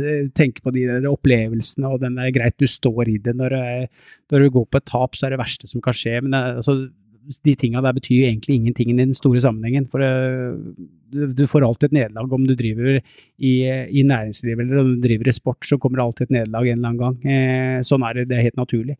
Så, så, så den Jeg husker etter uh, at jeg kommenterte mesterskapet Vi fikk ikke lov til å reise til, til Japan med NRK, så vi kommenterte fra studio i Oslo på Marienlyst. Så jeg bare begynte å få en sånn det begynte bare å gnistre egentlig litt i meg. Eh, jeg hadde fått noen tilbud opp mellom, og flere hadde ringt og spurt ja, nå er det på tide, og sånn og sånn. Og fikk jeg også noen tilbud fra utenlandske klubber og alt det. Det var ikke så mye av det som var av interesse, men det, det, det er alltid Det var liksom sånn Ja ja, du veit fortsatt, veit fortsatt hvem jeg, hvem jeg er, og den biten der. Altså så, men, men det, det, begynte sånn også i, Ved juletider der så begynte det sånn der Uff, dette her hva?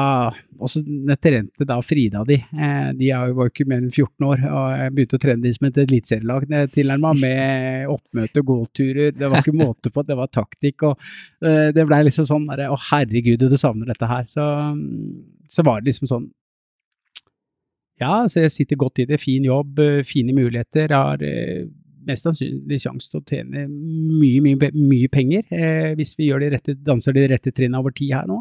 Så er det liksom sånn der, det, penger det er ikke det som trigger deg. Eh, du lever én gang, eh, sånn sett. Altså for noen så er det penger som trigger deg for alt, alt det er verdt, men, men jeg er skrudd sammen sånn at det er eh, jeg må fungere 100% og når jeg fikk den, kjente at jeg begynte å få den følelsen, så begynte jeg å snakke litt her hjemme om det, eh, med Kjersti og litt sånn forskjellig. Og så sier, så sier Kjersti ja, men Kenneth, du er ikke noe mer hjemme nå enn det du var når du var håndballtrener, hvis du tror det. Eh, når du er hjemme, så sitter du på PC-en, og du, det, er ikke, det, er ikke, noe forskjell. og Du er oppe før vi rekker å tenke på å stå opp om morgenen. Du er oppe halv, kvart over fire, halv fem og fem eh, hver dag, og du går og legger deg klokka kvart over ni, halv ti. Eh, så, så, så det, er noe, det, er ikke noe, forskjell på det. Eh, så det er eh, Jeg, syns du skal vurdere det, eh, hvis det kommer det rette tilbudet. Og jeg hadde jo vært i dialog med noen klubber da, tidligere, og liksom holdt, holdt, det litt varmt.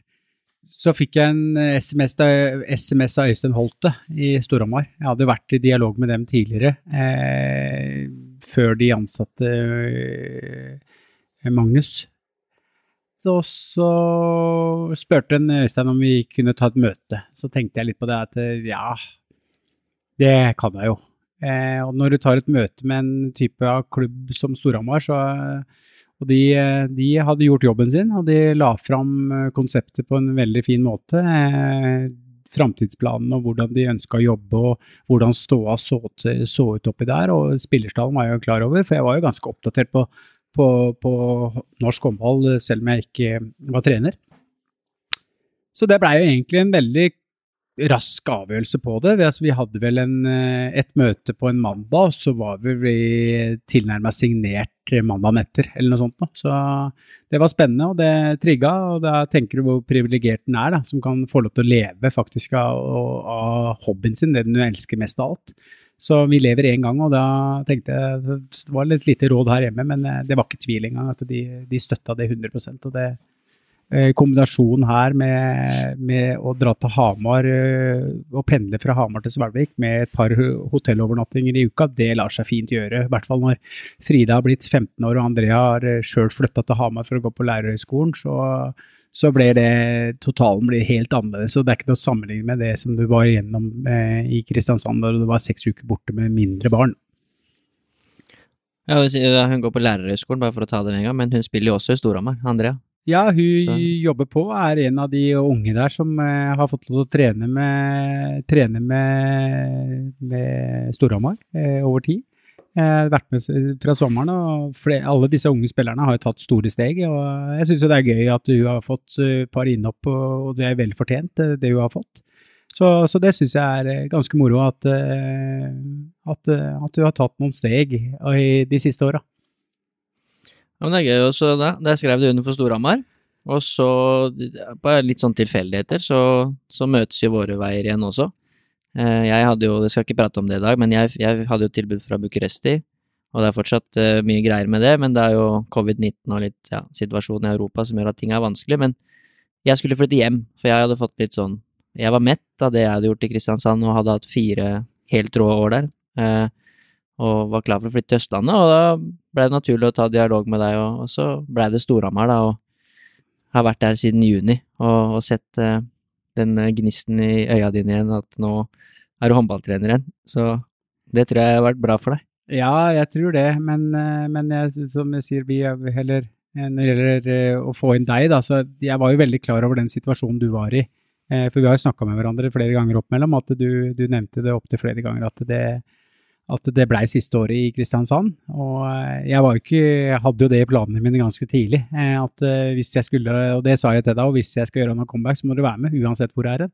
Hvis det lar seg gjøre. Så det er jo, jeg er jo supertakknemlig at du har blitt med opp til Hamar og på en måte eh, vært med og, og, skapt et nytt fundament der oppe. Altså, for det det som er å ta over et Storhamar-lag som da på en måte Det er jo en litt annen setting enn det jeg har vært med på tidligere. Her tar over et lag med masse, masse flinke håndballspillere.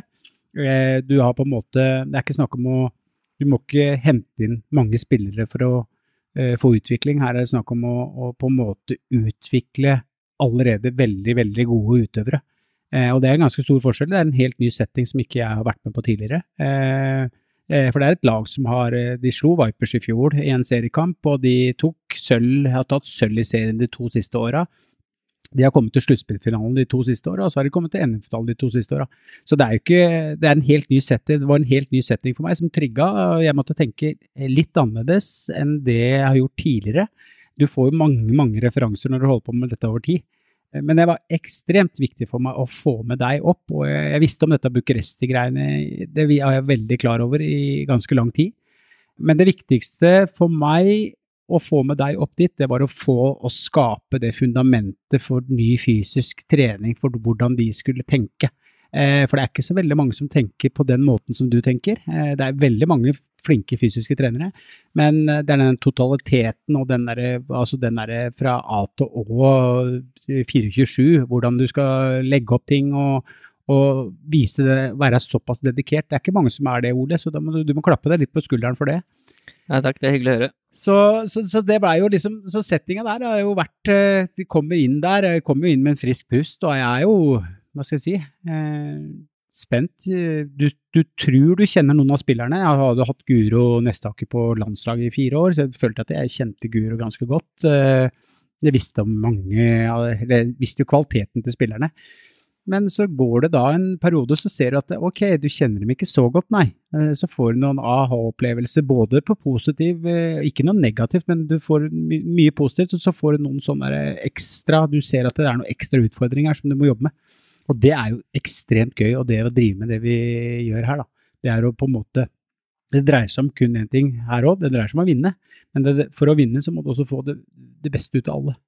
Og det er ikke gjort på tre måneder, liksom. Du må bruke litt tid på det. Så det vi har hatt, i utgangspunktet så har vi hatt et fint eh, Vi har vel vært der oppe i fire måneder nå. Eh, og de fire månedene, det har eh, kommer vi tilbake til det med å vinne. Eh, og det er det hver eneste som har betydd noe. Eh, og eh, vi har vunnet ti seriekamper av ti seriekamper. Så har vi tapt en kamp mot Sola, borte i kvartfinalen i NM. Den må faktisk treneren ta på sin egen kappe. Vi spiller en god førsteomgang. Går til pause, føler vi er komfortable og den biten der. ryker skikkelig i annen omgang. Ja, faller helt sammen. kanskje vi trengte en sånn en kamp. Men det var helt unødvendig å tape den kampen på den måten her. Men nå er jeg en trener som legger veldig fokus, ekstremt fokus på, på målsetninger. Og vi hadde ikke hatt så veldig mye fokus på NM. Eh, det har lagt litt bak i sekken og hatt veldig mye fokus på seriespill. Og så kanskje vi på en måte Jeg føler i ettertid at jeg skulle kanskje lagt enda litt mer trykk på akkurat det der med NM. Og, men det er, det er bare noe synsing, da. Men eh, det er som jeg sa i stad her, altså vi må tåle å tape. Én kamp må du tåle å tape. Eh, det er surt, det er bittert, og det er ekstremt irriterende når Ja, eh, Sola var flinke, men eh, det er vi som går i vår egen felle. Så det var Ellers har det vært fint på Storhamar i første del. Ja, det er jeg helt enig i. Det har jeg egentlig syntes helt siden vi kom. Det må jo ha vært litt rart for de spillerne også at både du og jeg kommer dit, som hadde vært i Vipers og vært med å slå dem i serie og sluttspill og alt som var de siste åra sikkert noen tanker og følelser som gikk gjennom de òg, at skal, nå skal de ta over her. Men eh, jeg har egentlig fra dag én bare hatt positive egentlig opplevelser med Storhamar. Jeg ble veldig overraska over hvor bra de faktisk har det. Jeg syns jo de nesten har det litt for bra, i forhold til at de, de har jo faktisk en del ting som Vipers ikke har, hvis du skal sammenligne med de. De har jo egen hall, som er helt rå. Vipers har jo ikke det. De har jo ikke egen garderobe engang. Eh, de har et treningssenter som er helt sinnssykt på Espern, hvor vi trener, som har alt av utstyr. De har eh, ja, alt du kan tenke deg. Og du kan ta ting til litt nye høyder. Uh, og så er det selvfølgelig ting som de er mye mindre enn Vipers på, det i totalen, men, men, de har faktisk en del ting som er ekstremt bra, og så har de en spillergruppe som er helt rå, med masse potensial, og der er det, ja, oppsummert enormt med potensial på ja, Hamar. Det, er, det gjelder på alt når det gjelder Hamar, da, så er det en ting som har overraska meg mest i Hamar, som, som, som har overraska meg, da, det er jo det at jeg visste jo at hockeyen i Hamar var stor. Eh, at det er et av Norges desidert beste hockeylag, og det er en hockeyfeber, det er en, det er en hockeyby, rett og slett. Så er det HamKam som har vært, vært en, en, en, viktig bit for Hamar i alle, alle år. Men jeg er veldig overraska over media i, i Hamar. Det jeg syns de er eh, Jeg veit ikke om jeg kan bruke ordet slappe. Eh, jeg syns de, de, er dårlig journalistikk. De, de, jeg syns de legger lite fokus på håndball. Og det har litt overraska meg litt, at det er, den, det er den eneste eh, toppklubben i hele Innlandet på damesida som, som spiller Europacup og kjemper om medaljer.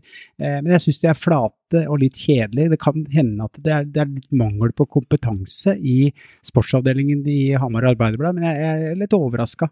Eh, så der har vi en jobb å gjøre med det også på en måte engasjere oss mer og eh, skape mye mer blest rundt vårt produkt. Da. Så det er, det er en type som vi må virkelig ta tak i. Eh, og det er et potensial som, som, er mulig å få til, sånn at vi får litt mer trøkk rundt oss som klubb. Og så har du administrativt og sponsormessig så syns jeg det er strålende. Vi har en flink markedssjef, vi har en flink daglig leder, og vi har et veldig, veldig godt styre. Eh, så er det poenget da at vi må tenke nytt, og vi må på en måte Det er noen ting som vi må, vi, vi, vi må skape mye mer eh, som jeg var inne på, blest rundt vårt produkt, men vi må også skape Kanskje bli enda mer prof eh, profesjonelle på, på, hva produktet vårt er, og hvordan vi skal kunne få løfta det. Og Derfor mener jeg at det er et vanvittig potensial i Hamar. Eh, for det er mange ting som, som det er eh, muligheter å bli veldig, veldig mye bedre på. Og da gagner det også resultatene på sport. Eh, vi har en klar målsetning, det er å vinne en tittel eh, i løpet av de åra, i hvert fall jeg har kontrakt, så er det er å vinne en tittel. Og da kan du liksom ikke si det at nei, i 2022-2023 så skal vi vinne en tittel. Vi må jo gi, hige etter det fra dag én. Eh, det er det viktigste. Eh, og du kan drømme altså Hvis du snakker om Storhamar og Vipers nå, det er feige lag på papiret. Det er egentlig, det skal ikke være mulig eh, for Storhamar å slå det Vipers-laget der nede. Det er det, er, eh, det kunne Vipers kunne stilt alle de eller eh, Vipers kunne sendt stallen sin til et, eh, til et mesterskap, og det, det, hadde ikke vært store skilnaden. Eh, på, på, på, Norge på topp og Vipers på topp. Eh, så, så bra er de der nede sportslig. Så, men eh, vi har noe å fare med, vi òg. Men det dreier seg om å få det beste ut av det vi har. Og så dreier det seg å på sikt også kanskje få inn litt mer spisskompetanse på noen områder. Så er det jeg, potensialet, men det er totalen. Det er ikke bare på sport du, du, skal bli bedre, for der er det kanskje Der er det, der, er limiten. På Hamar er limiten nå, på den spillerstallen du har. Eh, jeg ville ikke hatt så veldig mange andre spillere inn i den stallen, for det er, eh, de er dedikerte, de trener hardt, de er, eh, altså de er målbevisste, de veit hvor de vil hen. Og så er det litt sånn at det er litt bedagelig på Hamar, og det er en jobb som vi som trenere for å få trigga det litt ekstra. Eh, for det er, litt, det er fint og flott, og de har hatt det greit i mange år. Og de har hatt veldig flinke trenere. Arne Senstad har gjort en fantastisk jobb her i en, ja, om det har vært ti år, jeg er i hvert fall ikke langt unna ti år. Så fikk de Magnus inn der, så, som leverte eh, en strålende sesong i fjor. Så, så, de sportslige resultatene de har jo på en måte vært eh, på en måte helt der eh, det er maks av det de har kunne klart å prestere. Og det er jo litt av utfordringa å komme inn som ny trener der og så skal prøve å løfte dette her enda et hakk. Og da må du grave litt dypt i, i krokene. Og da må det kanskje, det som du var inne på, Ole, det at det, det er kanskje litt bedagelig der oppe. Kanskje vi, Det er ikke dermed sagt at du skal bruke kjeft, og det er ikke det jeg mener med at de har det fint og flott, men eh, vi må sette ting litt i perspektiv og så, og så skjønne hva som skal til. Og da er vi inne på det med verdier og målsetninger, og, og bruke de verktøyene for alt det det er verdt. da. Ja, og det er jo ikke, hvis du sammenligner med Vipers 2016, det er jo ikke så ulikt uh, i forhold til at uh, der òg så var jo ikke Federlandsvennen var jo ikke noe sånn var ikke sånn kjempedekning av Vipers. Et av målene der var jo å få Vipers litt på kartet og få folk i Norge til å faktisk vite om Vipers, for det var jo ingen som snakka noe om dem. Uh, så det var jo noen av de samme utfordringene, og Sørlandet er jo Kristiansand er bedagelig by, det òg. Det er litt uh, tall i morgen der også, sånn at det er ikke helt ulikt, syns jeg. Men jeg syns jo, jeg syns jo Storhamar er et bedre lag enn det Vipers hadde i 2016.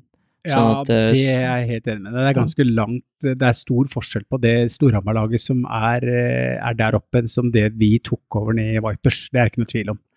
Eh, for det her er det, det vi, Jeg tør å påstå at vi har, vi har kvalitetsspillere på alle posisjoner.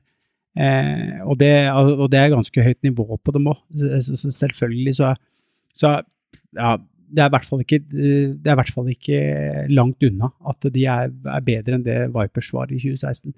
Men uh, nå har jo det Vipers tatt noen steg som er kanskje hvassere enn det Larvik har klart òg, eh, på veldig, veldig kort tid. Eh, så det å dette inn den ene stjerna etter den andre, så det er jo en, eh, altså det er bare en skikkelig klapp på skuldra på den jobben som har blitt gjort der nede, på hvordan de har løfta det de siste to åra. Det, det, er enormt. Men vi er jo i hvert fall Vi snakker mye om Vipers, men vi er jo, som du sier, det, man merker jo det når du prater om det nå også, at det er dette her som trigger deg. Det at det er utfordringer, og det at det er potensial, og at det er eh, folk som vil dra i samme retning og, og tenker sa, samme måte som du tenker. Og vi må jo bare egentlig fortsette å fokusere på oss sjøl og, og, bygge det grunnlaget og bli litt bedre for hver uke. Hele tiden litt, litt bedre hver uke. Vi ikke nødvendigvis skulle slå Vipers i morgen, men eh, må fokusere på oss sjøl, og, og, det syns jeg vi har vært ganske flinke på. Så som du sa, vi har vunnet ti av ti matcher i serien, og hvordan oppsummerer du det første hva skal jeg si, halvåret, eller første i hvert fall halve delen av sesongen da, i, i Hamar? Jo, nei, altså, jeg syns jo det har vært eh, Hva skal jeg si? Eh, alle, alle, snakker om Vipers og den biten der, og jeg, jeg, er litt opptatt av at det er faktisk andre lag i den norske serien der som er faktisk eh, ganske bra. Eh, mange, og det har vært i, i, Norge, og når du snakker om damehåndball og herrehåndball i Norge, altså det er en treningskultur i norsk idrett som er helt unik. Eh, og alle laga i den norske serien, de trener eh, tett opp mot maks av det, av det, som er forsvarlig, i henhold til hva de har for noe av, av forutsetninger når det gjelder eh, skole, jobb og hvor mye de må jobbe og alle. Men eh, det er veldig veldig mange flinke håndballspillere og, og dedikerte trenere og klubber som gjør så godt de kan. Så, så vi har hatt eh, noen tøffe kamper i år, eh, absolutt. Og vi, vi har svingt veldig prestasjonene. Eh, men vi får legge av, som jeg har sagt opptil flere ganger, vi får legge av de prestasjonene litt til side. Så får vi tenke, tenke, litt på resultatet nå fram til jul. Og det har jo vært veldig fokus på det at vi skal vinne de kampene, som er viktig å få den gode starten. Og så tror jeg det at vi, vi, vi har jo vist et eh, bra toppnivå til tider, men vi har ikke spilt fullt mer enn en omgang som har vært brukbar i veldig mange kamper. Og så har vi vært litt eh, under båten i noen av kampene, men vi har dratt i land, og det er det viktigste. Det er en god egenskap å ha med seg. Så vi har i hvert fall ikke rykende poeng før jul, og det er vel første gangen i Storhamars historie at ikke vi har tapt noe poeng i første del av, av, sesongen. Og det er vel, det tror jeg tilnærma første gang jeg trener et lag som ikke har avgitt poeng i serien eh, før jul. Jeg tror vi siste året i, i, i Viper så tror jeg vi spilte uavgjort mot Tertnes borte òg. Så eh, det er en prestasjon, og det er noe jeg har tenkt på fra dag én, at eh, det er så ekstremt viktig å komme godt i gang. og tenke, Det er ingen som tenker på om, om vi sleit eh, på godt norsk ræva oss, oss, oss, mot Rælingen borte, f.eks., eh, med vinner med tre-fire mål. Eh, det er ingen som tenker på det når du begynner å få flyt, og du kommer til flytsonen, og du begynner å virkelig ja, få gode prestasjoner over tid. Så det er ingen som tenker på de kampene da, men de tenker på poenga. Og de har vi jo heldigvis fått, alle poenga som er mulig å få. Eh, og det er jo litt sånn, men det tar jo litt tid når du er en ny trener som kommer inn i en ny spillergruppe. Du skal bli kjent med de, de skal bli kjent med deg. De forandrer på mye av fystreninga. De forandrer på mange ting, da, sånn at det, det, er jo ikke sånn at det tar tid å bygge et lag på den måten, og det er jo viktig at folk forstår at du, du får ikke gull med en gang, du må, må, bygge litt stein for stein, og du har jo ikke vært håndballtrener på to år heller, så sikkert en, en, en utfordring for deg også, må jo omstille deg litt, og alt tar jo litt tid. Har du vært borte som håndballspiller i to år, så tar det litt tid før du kommer på toppnivå igjen hvis du skal begynne å spille igjen. Så, så vi er jo på rett vei, selv om selvfølgelig det må være tålmodig òg, tror jeg, da.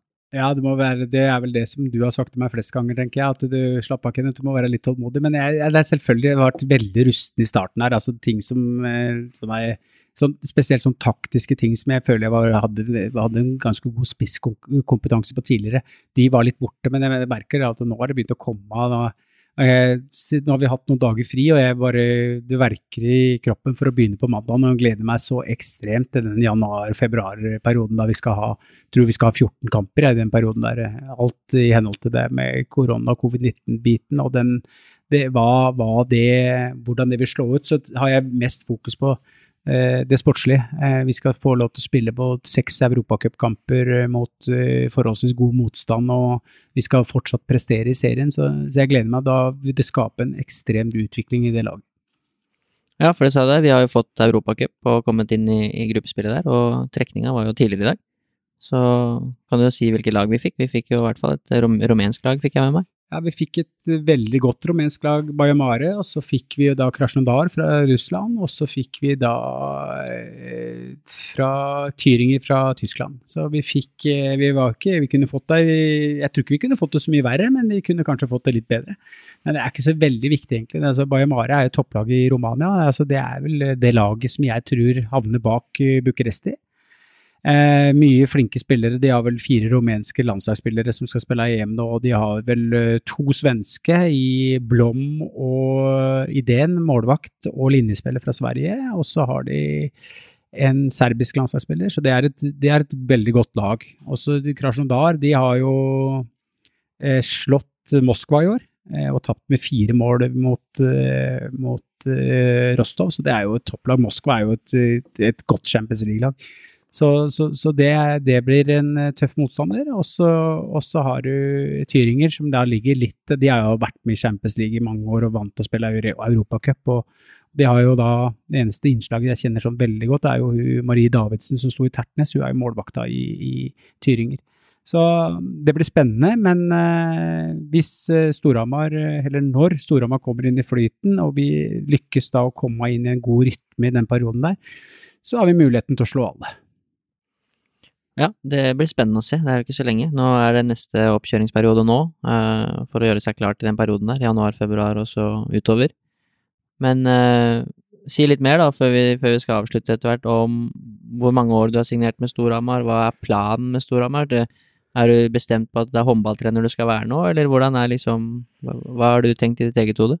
Nei, så hva jeg skal si, altså det, Når jeg valgte å gå tilbake nå, så, så tror jeg det at, eh, at nå, jeg, nå, ser jeg ting på et litt lengre perspektiv. Altså det er som jeg, jeg har snakka tidligere om her, familie er viktig. Og når du har da eh, et voksenbarn som da er faktisk eh, blitt 19 eh, år i dag, eh, så så er liksom den er sjekk, hun har det bra, og hun kommer til å lykkes godt med både med livet generelt og er i gang med en uh, utdannelse.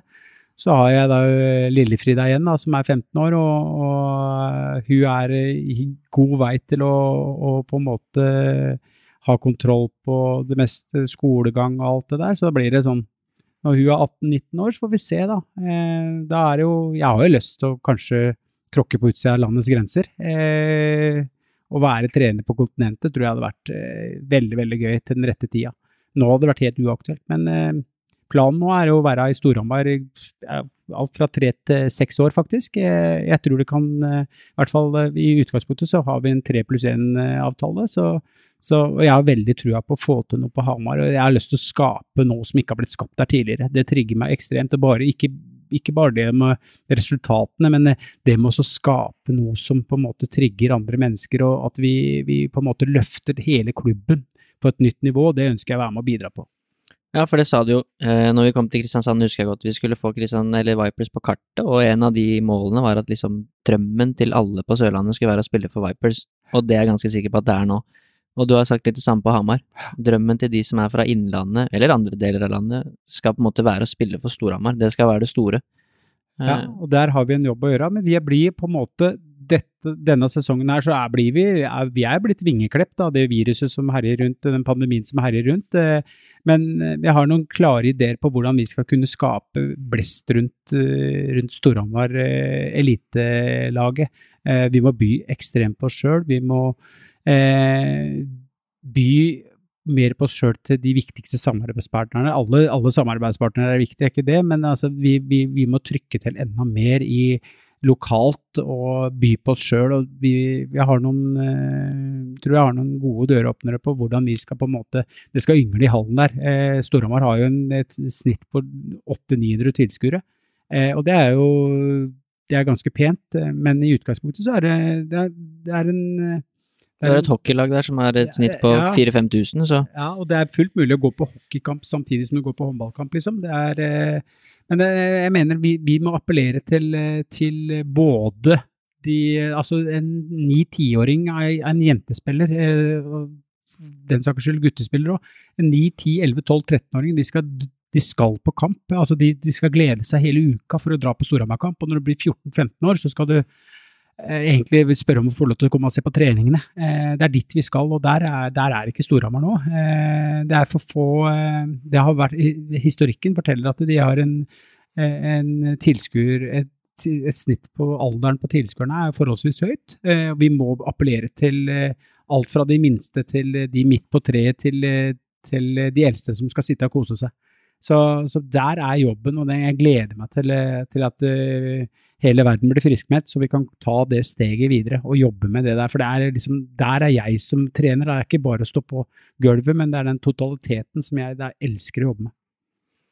Ja, og det, det tror jeg de andre i Storhamar-miljøet også syns er gøy. At, uh, spesielt at du har kommet inn, da, men også at jeg er blitt med, at vi har på en måte Alt skal jo profesjonaliseres. Vi, vi er jo veldig like i tankegangen, at vi, vi ser store bilder, da.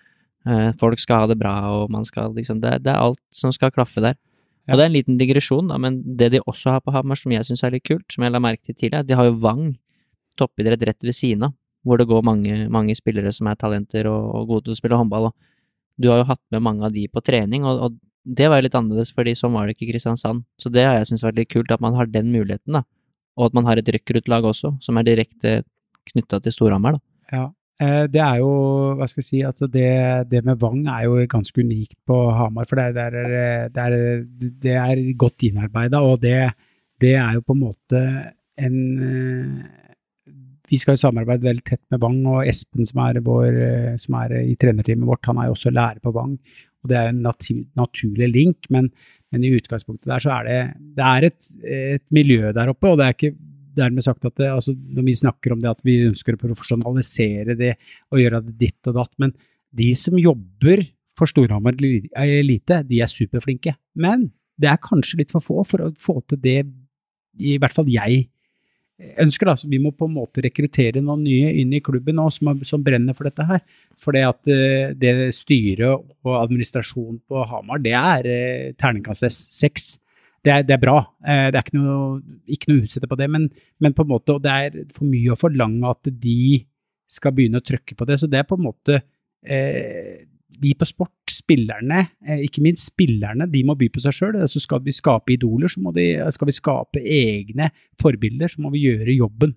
Eh, vi kan ikke tro at det kommer av seg sjøl. Eh, så, så, så det, det, blir jo oss på sport som må, må gjøre en jobb der, da.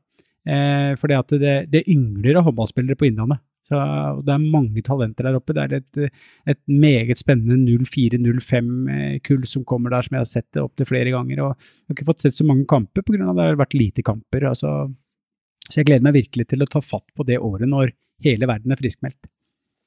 Vi håper jo at det blir snart. Nå er det snakk om noen vaksiner fra nyåret og sånn, men eh, i hvert fall så har du planer om å være på Hamar en stund, eh, virker det som. Og det er der fokuset ligger, i hvert fall de neste tre åra. Eh, så det det blir spennende å se hva du får til der oppe, kjenner jeg deg rett, så, så, blir det ganske bra. Det er jeg helt sikker på. Det er et kjempepotensial der oppe, i hvert fall, og jeg, jeg er positivt overraska over både klubb og spillerstall og fasiliteter og egentlig alt som er på Hamar, så det er faktisk litt fin by òg. Den Mjøsa gjør litt, uh, gjør litt, for dem der nede, i byen der. Så det er faktisk uh, Det er ikke så gærent å være på Hamar. Nei, er, jeg er overraska sjøl. Det er fint. Det er fint å løpe der. Det er, altså det er, de, har, de har det meste. Det er flott. Eh, så det er eh, så den, eh, den, jobben som skal tas i vei på, den, det å ta det steget om å vinne en tittel, det er jo det Storhamar aldri har gjort. Den jobben er selvfølgelig ekstremt tøff. Og om vi klarer det i denne sesongen, om vi klarer det neste sesong, det er men det er målet, og vi, det, er der, det er dit vi må sikte. Og det er uavhengig om vi møter Vipers Kristiansand, eller om vi møter Skiofok i Europacupen, eller hvem vi møter. Altså det, det, er, en, det er målsetninga. Eh, og det, vi må ha litt tøffe mål, vi må ha litt hårete mål.